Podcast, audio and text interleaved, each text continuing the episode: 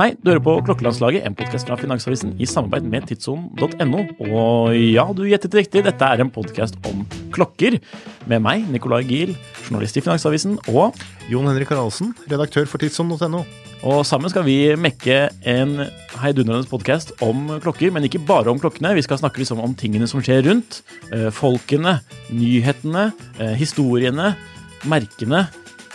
Hva som er interessant i klokkeverden, rett og slett. Og jeg har også linet opp en veldig spennende eh, gjeng med gjester. Ja. Eh, både sjefer for seg klokkemerker, eksperter, eh, samlere og entusiaster.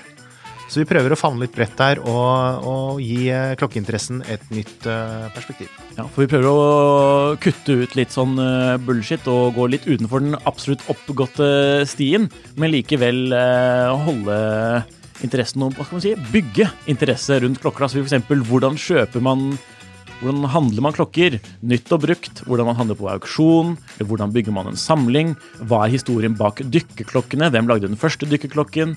Litt sånn, sånne ting. Og så skal vi naturligvis snakke litt om Rolex også, da. Absolutt. Det kommer vi ikke unna.